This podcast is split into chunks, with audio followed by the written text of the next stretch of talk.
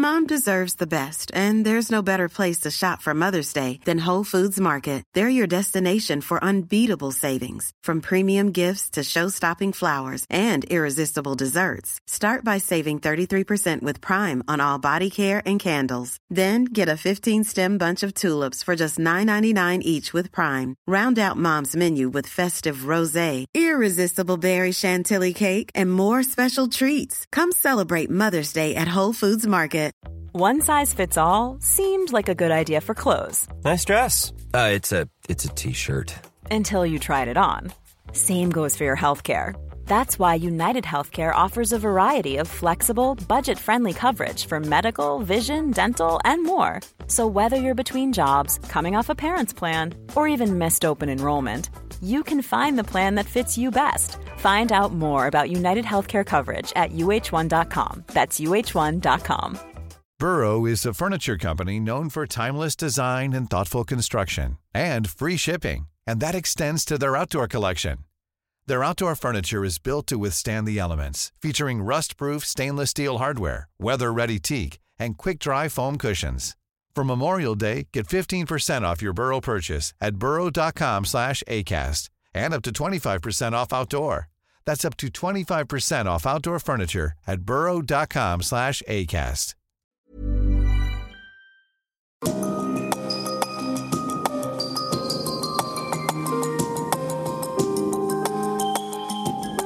Du lytter til podkast fra Oslo Militære Samfunn. Se vår hjemmeside oslomildsamfunn.no. Deres eh, eksellense, generaler, admiraler, kjære alle sammen. Varmt velkommen til enda et nytt møte i Oslo Militære Samfunn. Mange av oss har registrert, litt fragmentert i mediebildet og i mediediskusjon, at Norge satser stadig sterkere på Afrika. Ikke minst eh, regionen Sahel.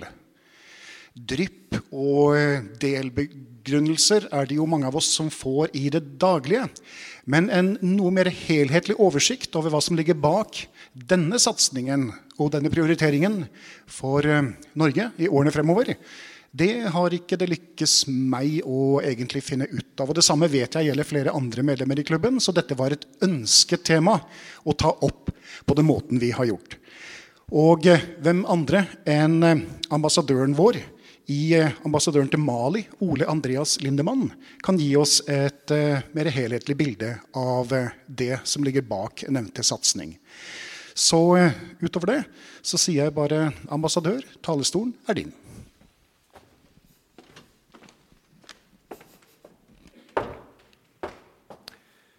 Tusen takk, eh, kjære alle sammen.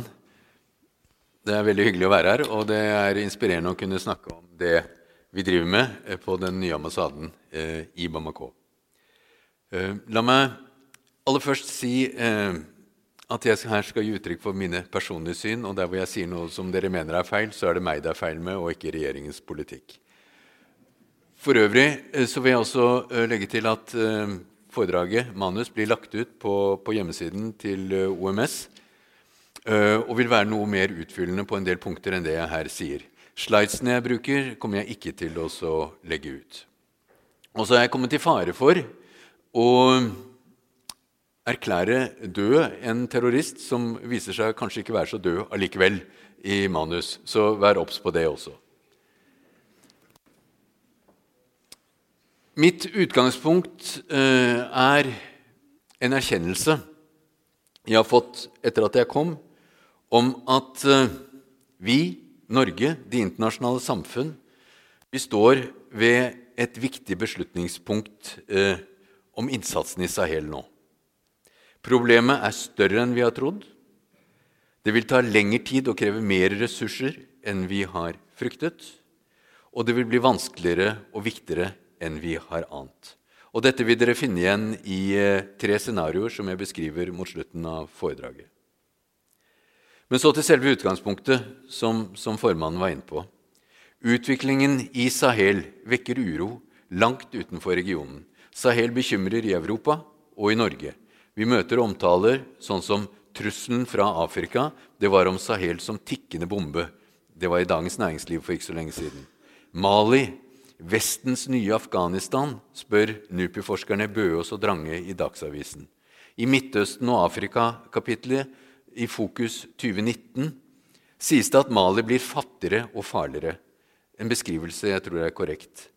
I år for første gang er Sahel under tittelen 'African Ark of Instability' tatt opp som et eget tema på sikkerhetskonferansen i München. Sahel kommer nå for fullt, og noen har sett det lenge. NUPI, PRIO, norske humanitære og kirkelige organisasjoner, NMBU, miljøet på Ås og Forsvaret. Mange interesser kommer sammen i Norges arbeid i Sahel. Det handler om utvikling, sikkerhet, klima, migrasjon, konflikt. Men det handler også om at Afrika er kommet nærmere. Det handler om at Europas nye sørgrense går i Sahel. Et grunnleggende spørsmål er hva kan vi oppnå ved bilateral innsats og som del av et internasjonalt samfunn som har mobilisert enorme ressurser for fattigdomsbekjempelse, utvikling og fred i Sahel? Hvorfor er vi i Sahel? Går utviklingen i riktig retning? Hvilke resultater er det realistisk å forvente? Det er sagt, det er sagt at dagens menneskerettighetsbrudd er morgendagens konflikt. Det tror jeg også er et godt utgangspunkt for Sahel. Sahel-landene og store deler av Afrika har vært preget av maktovergrep, dårlig styresett, svake institusjoner, politisk og økonomisk korrupsjon, diskriminering og eksklusjon av store deler av befolkningen og etniske grupper. Sahel har ligget i skyggen av begivenhetene, fått lite oppmerksomhet, men det er det slutt på nå. Konflikt er ikke nytt for Mali. Med jevne mellomrom har det vært opprør i nord. Disse har jevnt over dreid seg om å kutte båndene til en sentralmakt i Bamako som ble oppfattet som fraværende og dysfunksjonell. Dette er egentlig ganske uforandret. Det som har forandret seg, er at terrorister nå har fått fotfeste, og at det er vekst og at det er spredning i voldsbruken fra disse og andre væpnede grupper. Angrep mot sivile mål i Sahel har økt dramatisk siden 2016. Ved inngangen til 2019 er voldsnivået målt i angrep, antall angrep, over nivået i 2012, som den gang tvang Frankrike og landene omkring til å gripe inn militært. Sahel er en av verdens aller mest sårbare områder. Regjeringens Sahel-strategi oppsummerer det vi ønsker å oppnå i tre strategiske mål. Forebygge og løse konflikt, politisk og sikkerhetsmessig stabilisering, bygge motstandskraft og legge grunnlag for en inkluderende sosial og politisk utvikling for å bedre levevilkårene og minske behovet for humanitær bistand. Vi har måttet tenke nytt.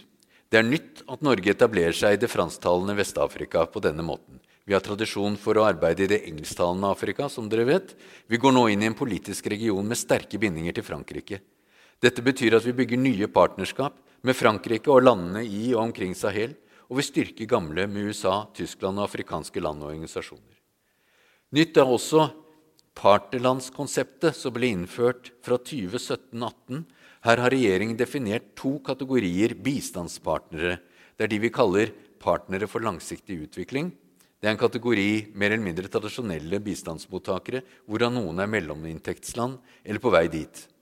Og det er de fattigste og minst utviklede som også er rammet av konflikt og befinner seg i en utpreget sårbar situasjon som vi definerer som partnere for stabilisering og konfliktforebygging.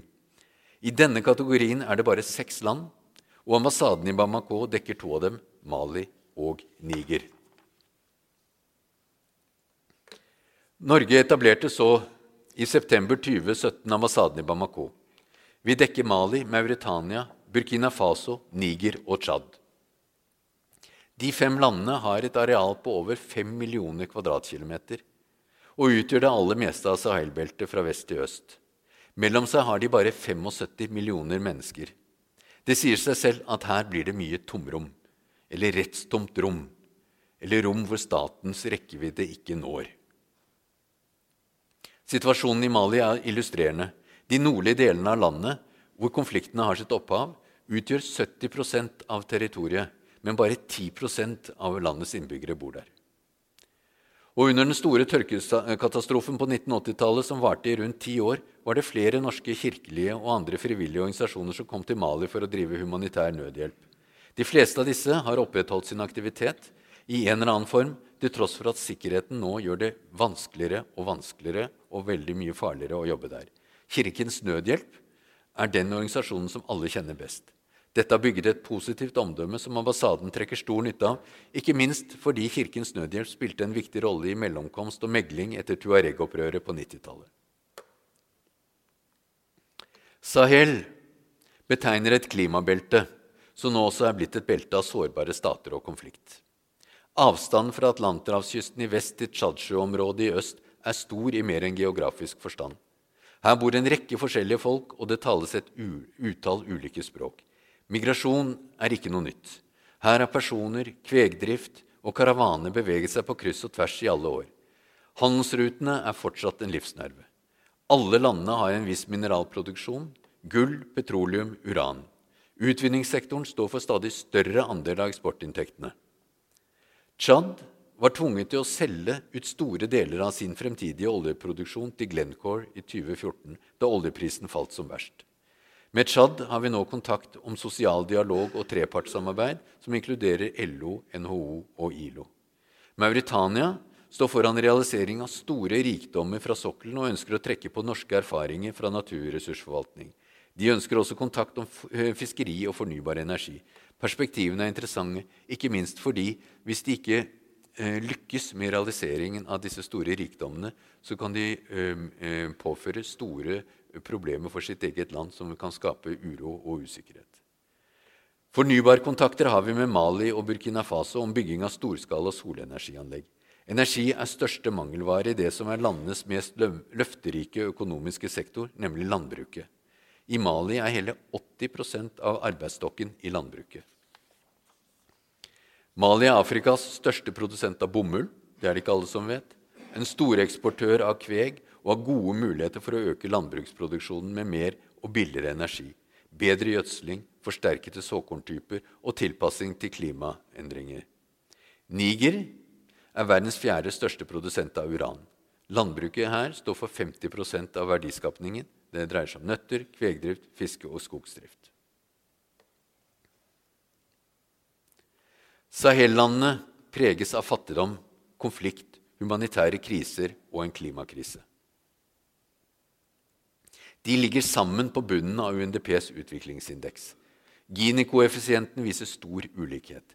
Bare et fåtall høyere utdanning. Om lag 70% kan ikke lese og skrive. Kvinner er overrepresentert blant disse. Kvinner får altfor mange barn. I Niger over sju barn. Og de får barn altfor tidlig mens de er barn selv. Det er fortsatt høy dødsrate blant nyfødte, men overlevelsesraten har økt, hvilket betyr at kampen om barnehelsen vinnes på viktige områder. Men det betyr også at landene har et galopperende demografisk problem. Befolkningen dobler seg hvert 20. år. Det er, ubalanse, det er ubalanse i forhold til hvor mange landbruket og økonomien kan brødfø og denne ubalansen bare øker. Sahel ligger i en ekstrem klimasone og rammes en, en og en halv gang raskere av temperaturstigninger sammenlignet med moderate klimasoner. Så der det stiger med én grad i andre deler av verden, stiger det halvannen grad der. Projeksjoner viser risiko for temperaturøkning fra 3 til 6 grader i dette århundret og mer urytmisk forhold mellom regn og tørketid, med hyppigere oversvømmelser og en trend mot lengre tørkeperioder. Dette påvirker vannressursene, økosystemet i elvene og på land, medfører ørkenfisering og helseproblemer. Og hit er vi faktisk allerede kommet. 80% av jordbruksarealene berøres. Og det er viktig, tenker jeg, å få med dette bildet. For når vi snakker om årsakene til konflikt i Mali og i Sahel, må vi se på hele bildet. Opprøret i Nord-Mali har sammensatte årsaker. Ønske om territoriell kontroll, orientering mot Algerie, liten samhørighet med Bamako, vendes mot Algerie, religiøse undertoner. En sentral årsak til konflikt er imidlertid nød. Ideologi og religion spiller mindre rolle.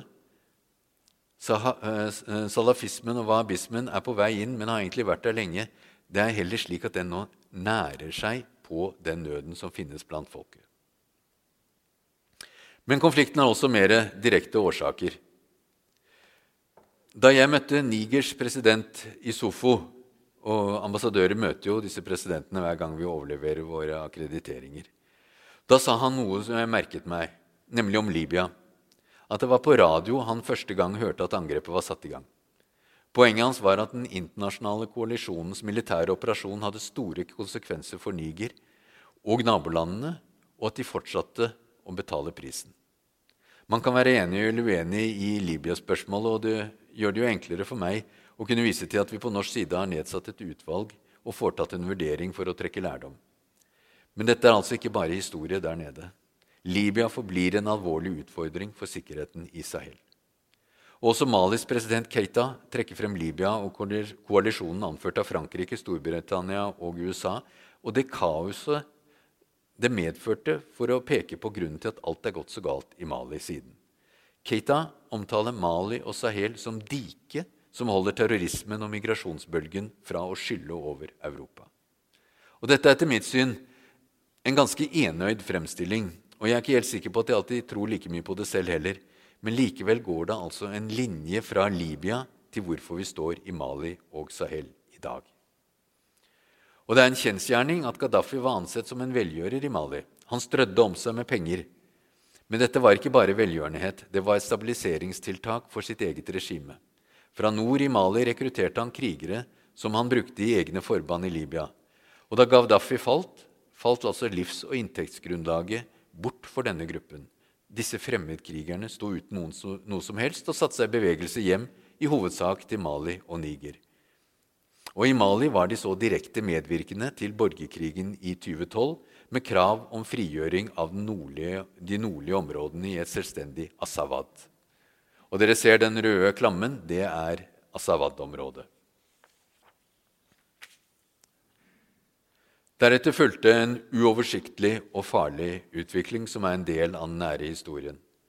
De væpnede opprørsgruppene i nord ble raskt overmannet av terroristorganisasjonene som eh, under ledelse av bl.a. Yad Agali, som de hadde slått seg sammen med. Den, afghans, eh, den altså Al Qaida i det islamske Maghreb, Ansardine, Nusrad al-Islam Dette er terroristgrupper som har vært aktive, og siden er Den islamske stat kommet til. Men altså på daværende tidspunkt, etter at eh, disse væpnede opprørsgruppene i nord var blitt overtatt så å si, av terroristorganisasjonene som de hadde begynt å samarbeide med, så dreide det seg plutselig ikke lenger om å frigjøre nordlige deler av Mali, men om et stormløp mot hovedstaden Bamako i sør. Mali så ut til å skulle bli overtatt av terroristene. Så ble da en fransk innsatsstyrke, Serval, luftlandet i Mali i januar 2013. Samtidig ble MISMA, som dere ikke må forveksle med MINUSMA, MISMA, med styrker fra Tsjad og andre afrikanske land, opprettet av ECOWAS, men under mandat fra FNs sikkerhetsråd. Og Sammen så stoppet de terroristenes fremrykking. Disse trakk seg tilbake og befestet sin stilling i nord og sentrum. Og Her ser dere også ja, På forrige slide så ser dere hvor de da satte seg etter hvert. MISMA ble oppløst i juli 2020 13 overtatte dagens MINUSMA, som som kjent er den dødeligste FN-operasjonen i nyere tid. Serval sto i Mali inntil de ble omdannet til Barkan, som dere har hørt om nå, som fortsatt står i Sahel med 4500 mann og fly. Og De har sitt hovedkvarter i Tsjad. Og alle disse hadde, har eh, som mandat å bistå Malis forsvar med å gjenvinne kontrollen på eget territorium. Norge deltar med en militær kontingent i MINUSMA, og vi kommer til å sette inn et norsk politibidrag i løpet av 2019. I 2016 var vi på plass med transportfly på rotasjonsbasis i en samarbeidsordning som var norskledet. Vi gjør dette i nye seks måneder fra og med mai i år, og det er folk i salen her som skal delta på det. Deretter skal vi bidra med transportfly på ny i perioden 2020-2022. I tillegg drifter Norge en militærleir i Bamako som heter Camp Bifrost, og vi har offiserer i styrkesjefens stab. Så Norges fotavtrykk i sikkerhetsmessig stabilisering i Sahel er betydelig, som dere skjønner. I tillegg til bidragene i MINUSMA støtter Norge Sahel-landets egen antiterrorstyrke, G5-styrken. Den opererer i grenseområdene med mandat til å gå inntil 50 km inn på hver side av grensen. Det er særlig i det utsatte triangelet mellom Mali, Niger og Burkina Faso at det er størst behov, fordi det er her terroristene ganske uendret passerer mellom landene for å utføre angrep eller for å gjemme seg. Utviklingen i Burkina Faso er sterkt bekymringsfull. Først og fremst sikkerhetsmessig, men også politisk.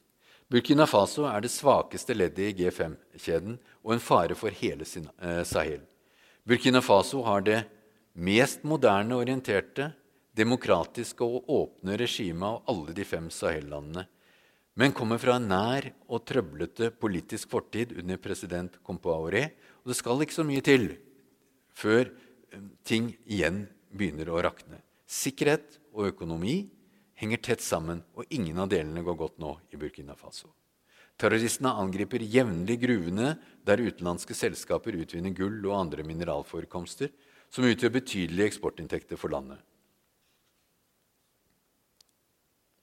Så litt om fredsavtalen i Mali.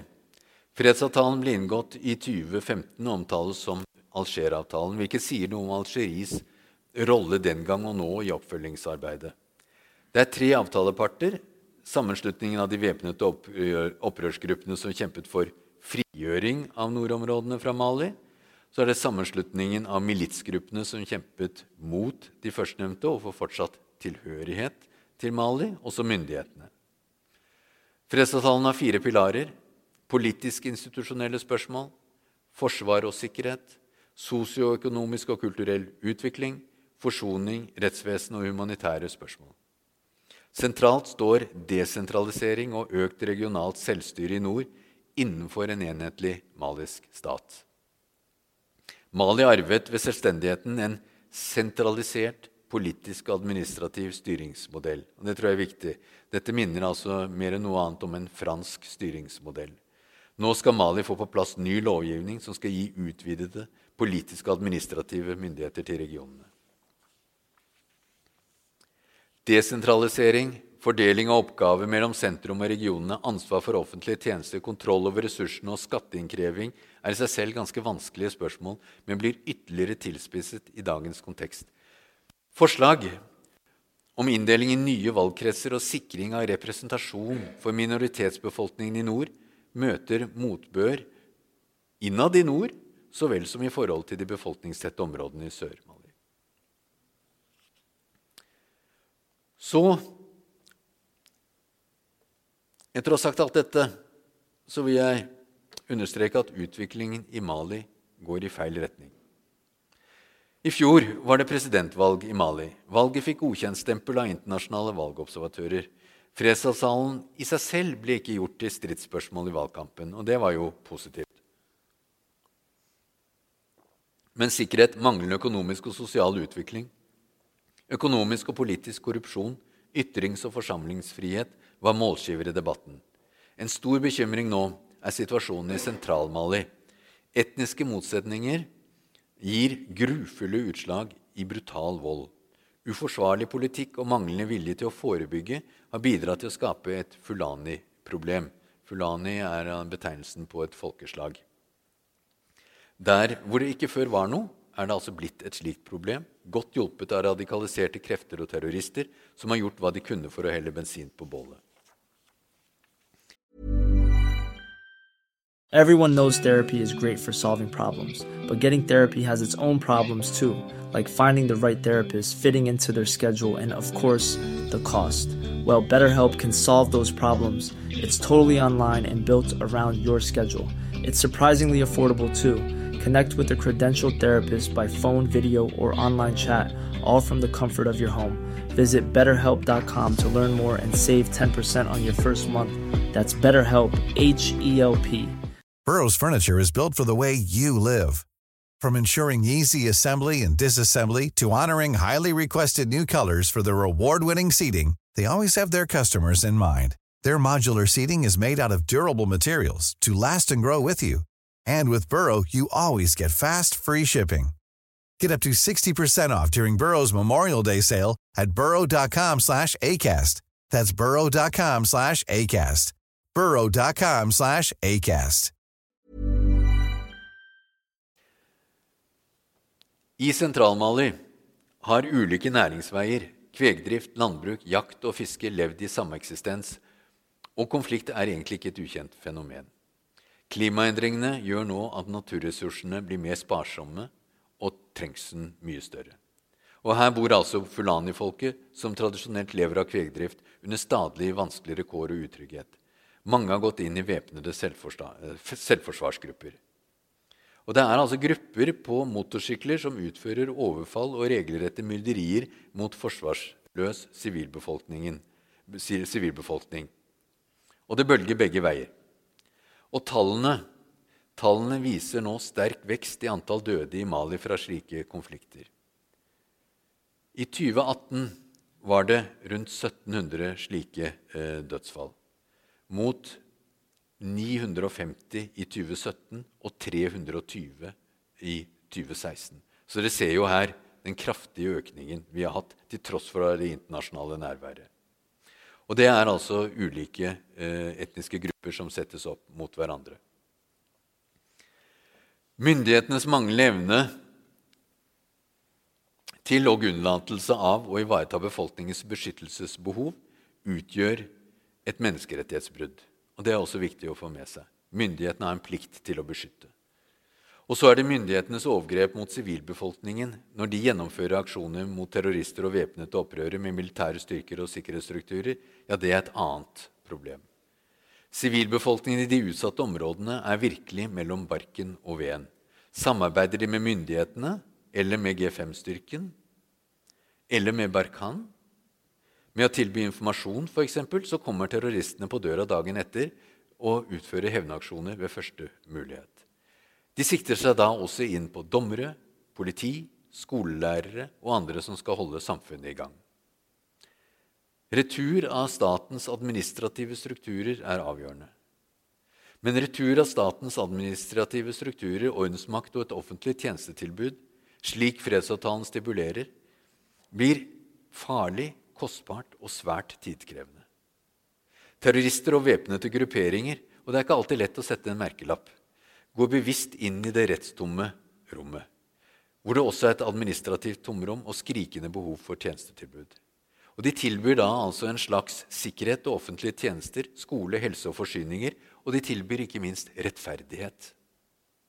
Stabilisering i form av sikkerhet og rettsorden er på mange måter det som betyr mest for folket, selv om det innebærer at de må tåle sharia-lovgivning. Terrorismen i Sahel øker i omfang og intensitet. Og Hvis dere tenker tilbake på kartet fra 2013, så ser dere altså at det har krøpet mye nærmere Bamako. At de enkelte gruppenes utbredelsesområde har økt betydelig også. Den afrikanske unions egne statistikker viser at Sahel er overrepresentert med sivile, det er 77% og militære over 50% dødsfall som følge av terrorrelaterte angrep. Og Det viser også at trenden er økende mot resten av Afrika.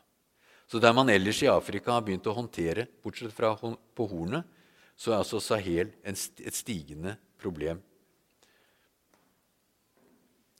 Det er særlig Malis og Burkina Fasos militære som har store tapstall. Tallene sier en del om hvor mange terrorister det er i Sahel, men også noe om intensiteten i kampene som pågår. Tall og kart viser terrorutbredelsen, viser utbredelsen av de enkelte terrorgruppenes bevegelse i området, og i grått så ser dere altså en lineært basert trusselprojisering som da går mot de større tettfolkete områdene. Tall og kart sier på den måten ganske mye. Men de sier faktisk lite om hvor mange terrorister de militære og politiet klarer å fange og stille for en domstol. Og her ligger en betydelig utfordring for alle G5-landene. Så er fremmedkrigere et spørsmål som nå opptar mange. Det er lite som i dag tyder på at fremmedkrigere kommer til regionen, men dette er noe som holdes under observasjon og regnes som en mulig utvikling. Det er altså fremmedkrigere som kan tenkes å komme fra Irak eller Syria. Så langt ser det ut til at rekrutteringen foregår lokalt i Mali, og at det er nok av unge menn og noen kvinner som lar seg verve. Terroristene og andre væpnede grupper har en kjerne av ledere på flere nivå med militær opplæring og stridserfaring. Fortsatt brukes det mye miner, men trenden går mot komplekse angrep. Operasjoner med flere elementer, ulike våpentyper, også tyngre, slik som krumbanevåpen. Teknisk utstyr og kunnskap om kommando og kontroll er blitt bedre, og angrepene tyder på god tilgang til etterretnings, eh, etterretningsinformasjon. Og så har vi sett et skifte fra myke mål, sånn som hoteller og restauranter, hvor det ofte er vestlige gjester, til hardere, symbolsterke mål. Mål som de militære i Mali og i Burkina Faso, forsvarsstaben i Ouagadougou, G5-hovedkvarteret i Mali, Frankrikes ambassade i Ouagadougou, og vi har sett mer bruk av selvmordsangrep som våpen, hvilket egentlig er ganske nytt i Sahel. For å bidra bidra til å stabilisere sikkerheten, så har altså det internasjonale samfunn satt inn MINUSMA, Berkan og landene denne G5-styrken. Arbeidsdelingen og koordineringen mellom dem blir, blir, bedre. Det er viktig å merke at Barkan, som er en fransk styrke, og G5-styrken begge har antiterrormandat. Det har ikke MINUSMA. MINUSMA er forankret i internasjonal rett gjennom et sikkerhetsrådsvedtak og er opprettet under henvisning til kapittel 7 i FN-pakten, som gir styrken et maktmandat. G5 har også et sikkerhetsrådsvedtak i ryggen, men ikke et kapittel 7-vedtak. FN har gjort mye for å få på plass en samarbeidsavtale mellom MINUSMA og G5. Norge støtter G5-styrken med oppbygging av et MR-rammeverk, menneskerettighetsrammeverk og sivile komponenter.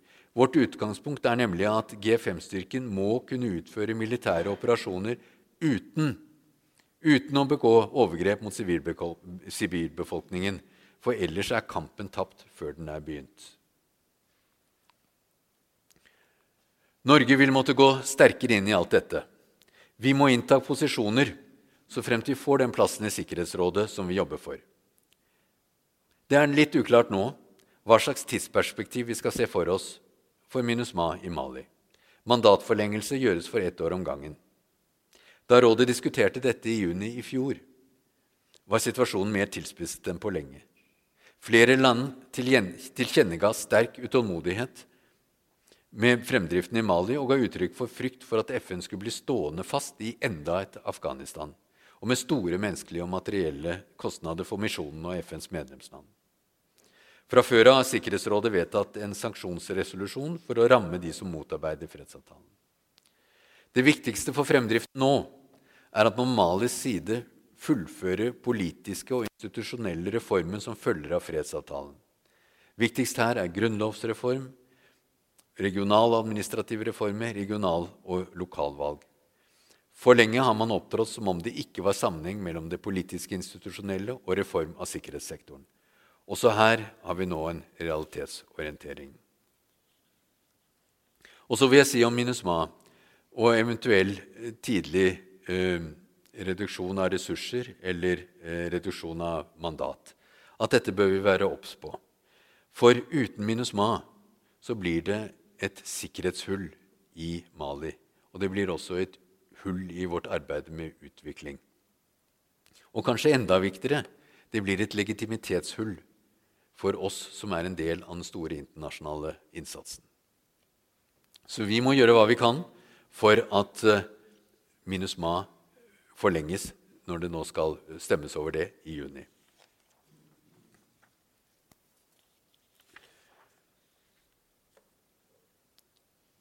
For hva er det egentlig som står på spill? Spørsmålet er ikke så mye hvordan vi skal jobbe innenfor utviklings- og sikkerhetsdimensjonene hver for seg, for dette gjør vi ganske bra. Spørsmålet er heller hvordan vi skal få til forsterkende overganger. Jeg spør meg hva som kan være om dere vil, de gode broene som forbinder vår innsats innen sikkerhet og utvikling. Og Broene vi mener å ha identifisert, er jobbskaping og økonomisk vekst, MR og justis, klima, demografi og kvinner. Vi er, kan jeg si, på alle disse eh, broene. Vi bidrar til innovative, globale finansieringsmodeller for investeringer i fornybar energi, helse og utdanning. Vi støtter MR, politi, antikorrupsjon, styresettutvikling. Vi har programmer for reproduktiv helse, kvinne- og mødrehelse og for å motarbeide tidligekteskap og tidligbarnefødsler. Vi har omfattende satsing på skole og utdanning. Vi gjør mye.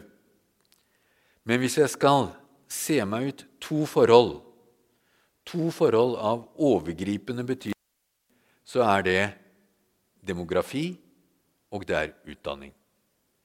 Og hvis jeg skal velge kun ett innslagspunkt for vår innsats, så er det jenters skole og utdanning. Skole og opplysning er nøkkelen til at kvinner får ta større ansvar i sitt eget liv og i familien, til fødselskontroll og til å forstå at trygghet ikke ligger i store barnekull, men i familiens forsørgelse og økonomiske bæreevne. Til å snu den fortsatt raskt voksende demografiske utviklingen. Uten at man får kontroll over dette, vil vi bare fortsette å løpe etter utviklingen. Opplysning av menn hører med i dette.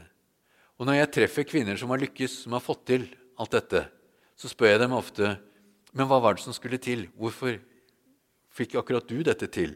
Og da svarer de nesten alle uten unntak fordi jeg hadde en far som mente at dette var viktig. Lykkes vi ikke med kvinners selvstendiggjøring i økonomi, familie og lokalsamfunn, så reproduserer vi faktisk status quo. Og det betyr relativt tilbakesteg, fordi verden omkring og landene folk lever i, beveger seg jo fremover. Vi snakker om tapte generasjoner og mange mennesker. Og her ligger en fremtidig sikkerhetstrussel for Europa. Vi lever i to forskjellige verdener, men i stadig tettere nærhet til hverandre. Vi løper etter utviklingen, men så er spørsmålet står vi løpet ut. Sikkerhetsproblemene løper fra oss. Det samme gjør de humanitære utfordringene og problemene innen utdanning, helse og matsikkerhet. De sårbare statene i Sahel blir nå bare mer og mer sårbare. Indeksene for utvikling, inntektslikhet, altså Ginin, korrupsjon og sikkerhet peker ikke i riktig retning, noen av dem. Men betyr så det at innsatsen vår er meningsløs? Betyr det at den har feil innretting? Betyr det at vi trenger å tenke helt nytt for å nå de resultatene vi jobber for? Jeg tror vi må stille oss disse spørsmålene. Og Spørsmålene gjenspeiler jo også en kritikk som går igjen fra ulike hold i vår hjemlige bistandsdebatt. De gjenspeiler også et økende krav om tydeligere mål og resultatstyring. Dette skulle jo bare mangle når vi bruker 1% av statsbudsjettet, dvs. Si nesten 35 milliarder i året på bistand. Til sammen bruker vi 600 millioner i året i Sahel. Og her ser vi altså ikke noe endgame i overskuelig fremtid. De fattige landene i Sahel vil fortsette å være fattige og sårbare i flere generasjoner til. Og jeg tror ikke at tradisjonell bistand alene kan gjøre jobben. Landene tar oss og bistanden imot med åpne armer. Det skulle da bare mangle. Men jeg opplever ofte at det de ønsker seg mest av alt, er kompetanseoverføring innen skatt, naturressursforvaltning, institusjonsbygging og styresettutvikling. Kunnskapsbanken, som er, utviklet, som er utviklet i Norad på en rekke kompetanseorienterte utviklingsområder, Norfunds investeringsprogrammer innen ren energi, landbruk, agroindustri, finansinstitusjoner og små og mellomstore bedrifter samt kommersielle investeringer og næringslivsetableringer, det er det som virkelig etterlyses, og det er der landene ser til Norge.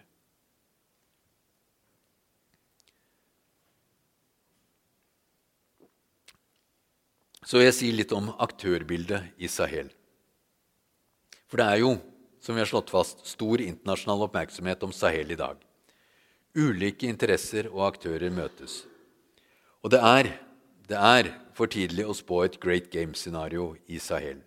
Men det er klart at Sahel som del av Afrika åpner, åpner for muligheter for en rekke aktørers økonomiske diplomati, for alliansebygging og stemmestøtte i multilaterale fora.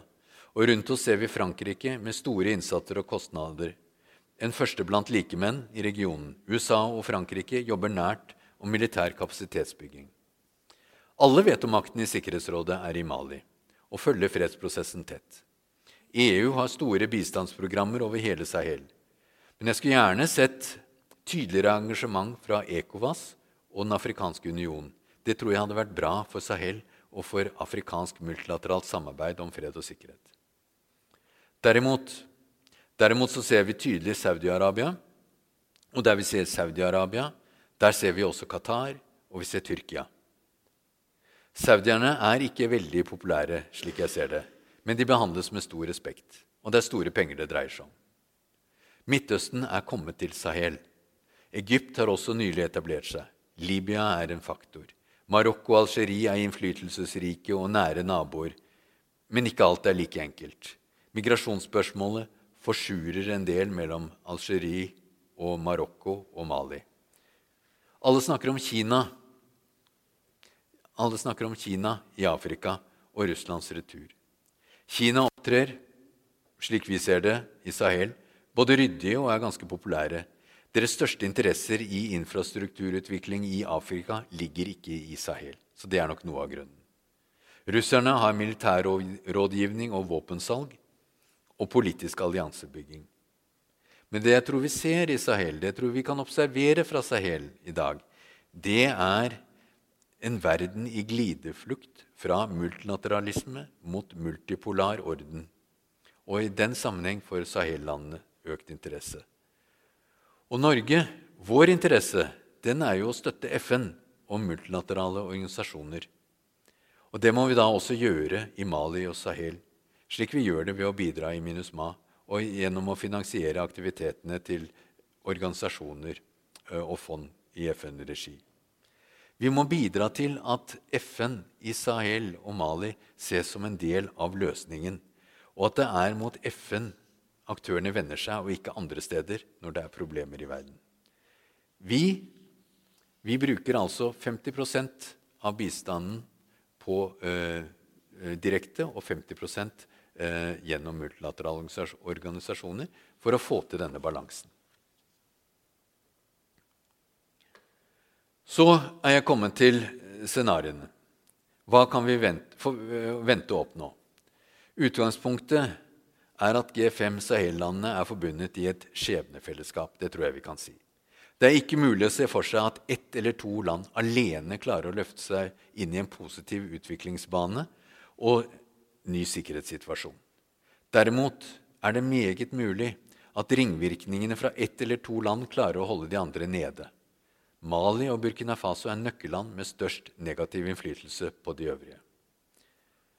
Så til tre scenarioer. Fra, ikke fra vondt til verre, men fra verre til vondt, hvor vondt er beste scenario. Bare så dere er klar over det. Det verste, scenario 1. Mali fortsetter å bli fattigere og farligere. Problemene forsterker hverandre, situasjonen forverres. MINUSMA mister støtte fra vetoland i FNs sikkerhetsråd, må tåle sterke nedskjæringer i mandat og i ressursene. Populær motstand i Frankrike, fravær av resultater, kostnader i penger og menneskeliv fremtvinger tilbaketrekking av Barkan-styrken. For det er vel egentlig bare et tidsspørsmål før de gule vestene oppdager hvor mye penger Frankrike bruker nede i Sahel. Terroristgruppene kan da feste sitt grep over store deler av Sahel. Vestlige land reduserer tilsvarende sitt engasjement. Sikkerhetssituasjonen tvinger ambassader og representasjoner til å trekke seg ut. Utviklingsprogrammet må stoppes. Stadige opprør, kuppforsøk og regimeskifter og dreining mot mer autoritære regimer. De facto innsnevring av statenes myndigheter. Humanitære lidelser i stor skala. Store migrasjonsstrømmer fra regionen til andre områder i Afrika og mot Europa. Så har vi scenario to. Utvikling i stor grad i tråd med scenario 1, med den forskjell at afrikanske land kommer inn med massiv innsats til erstatning for vestlige lands ut- og tilbaketrekking. ECOWAS og Den afrikanske union tar ansvar. Dette er begynnelsen på en langvarig kamp om Afrika, dvs. Si kamp mot terror og konflikt og for utvikling. Punktvise militære bidrag og angrep mot terrorceller utilsiktede drap av sivile og MR-problemer. Gradvis retur tror jeg, av FN og vestlig innsats, engasjement og nærvær i takt med hva situasjonen tillater, men det vil være vestlige fly fremfor vestlige styrker på bakken. Landene og folk vil føle seg forlatt av det rike Vesten og Europa. En moralsk tillitskrise vis-à-vis -vis Vesten vil styrke islamsk radikalisering. Sahel-landene vender seg mot andre store aktører, nettopp Saudi-Arabia, Tyrkia, Kina, Russland. Og Situasjonen åpner for at disse aktørene styrker sitt fotfeste ytterligere, også i andre deler av Afrika.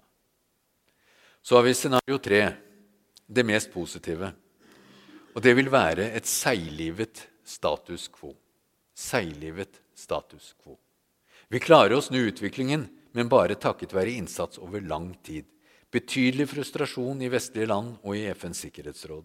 Det internasjonale samfunn klarer likevel å mønstre politisk vilje til et robust sikkerhetsmessig nærvær og forpliktende utviklingssamarbeid med landene i regionen, og kan styrke arbeidet med fattigdomsbekjempelse og skape resultater på bærekraftsmålene. Sahel blir gradvis mindre farlig og fattigdommen mindre akutt. Innsats for humanitær nødhjelp kan da dreies mer mot langsiktig utviklingsbistand. Bistand kan ledes inn i jobbskaping og vekst. Regimene blir mer demokratiske, og problemene med eksklusjon og diskriminering mindre. Klima blir et sentralt tema.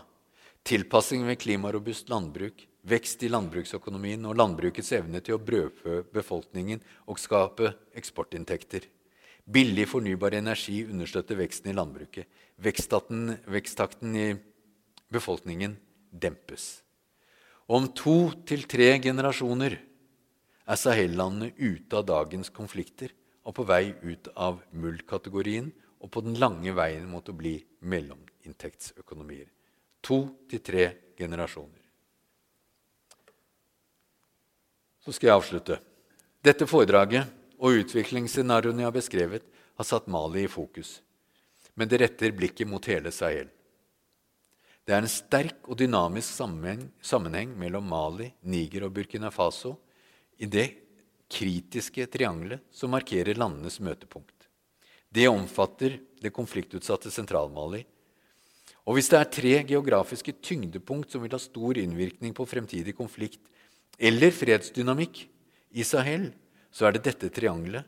Det er Nord-Mali i seg selv, og det er Tsjadsjø-området. Alt dette er grenseområder. Utfordringene for sikkerhet og utvikling er grenseoverskridende. Jeg har mest tro på scenario 3, som dere forstår. Jeg tror vi skal klare å dytte sikkerhetstrusselen tilbake, slik at vi for alvor kan starte arbeidet med stabilisering, opphenting og vekst i Sahel-landene. Men det forutsetter at det vestlige bidraget, det internasjonale samfunnets bidrag, holder seg på det nivået vi har i dag, minst. Men jeg er samtidig overbevist om at selv med det så kommer det til å ta lang tid og kreve store ressurser. Og det kommer til å kreve politisk vilje og stayerevne, også av den norske regjeringen. Det gjelder ikke bare oss. Norge må derfor også jobbe for at andre likesinte og FN samt EU og AU står løpet ut. Takk for meg.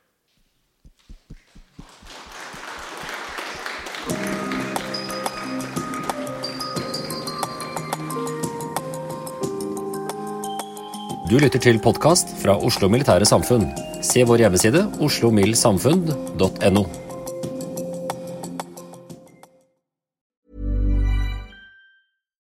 Deserves the best, and there's no better place to shop for Mother's Day than Whole Foods Market. They're your destination for unbeatable savings, from premium gifts to show-stopping flowers and irresistible desserts. Start by saving 33% with Prime on all body care and candles. Then get a 15-stem bunch of tulips for just $9.99 each with Prime. Round out Mom's menu with festive rosé, irresistible berry chantilly cake, and more special treats. Come celebrate Mother's Day at Whole Foods Market. Hi, I'm Daniel, founder of Pretty Litter. Did you know cats tend to hide symptoms of sickness and pain? I learned this the hard way after losing my cat, Gingy. So I created Pretty Litter, a health monitoring litter that helps detect early signs of illness by changing colors, saving you money and potentially your cat's life. Pretty Litter is veterinarian developed, and it's the easiest way to keep tabs on your fur baby's health right at home. Go to prettylitter.com and use code ACAST for 20% off your first order and a free cat toy. Terms and conditions apply. See site for details.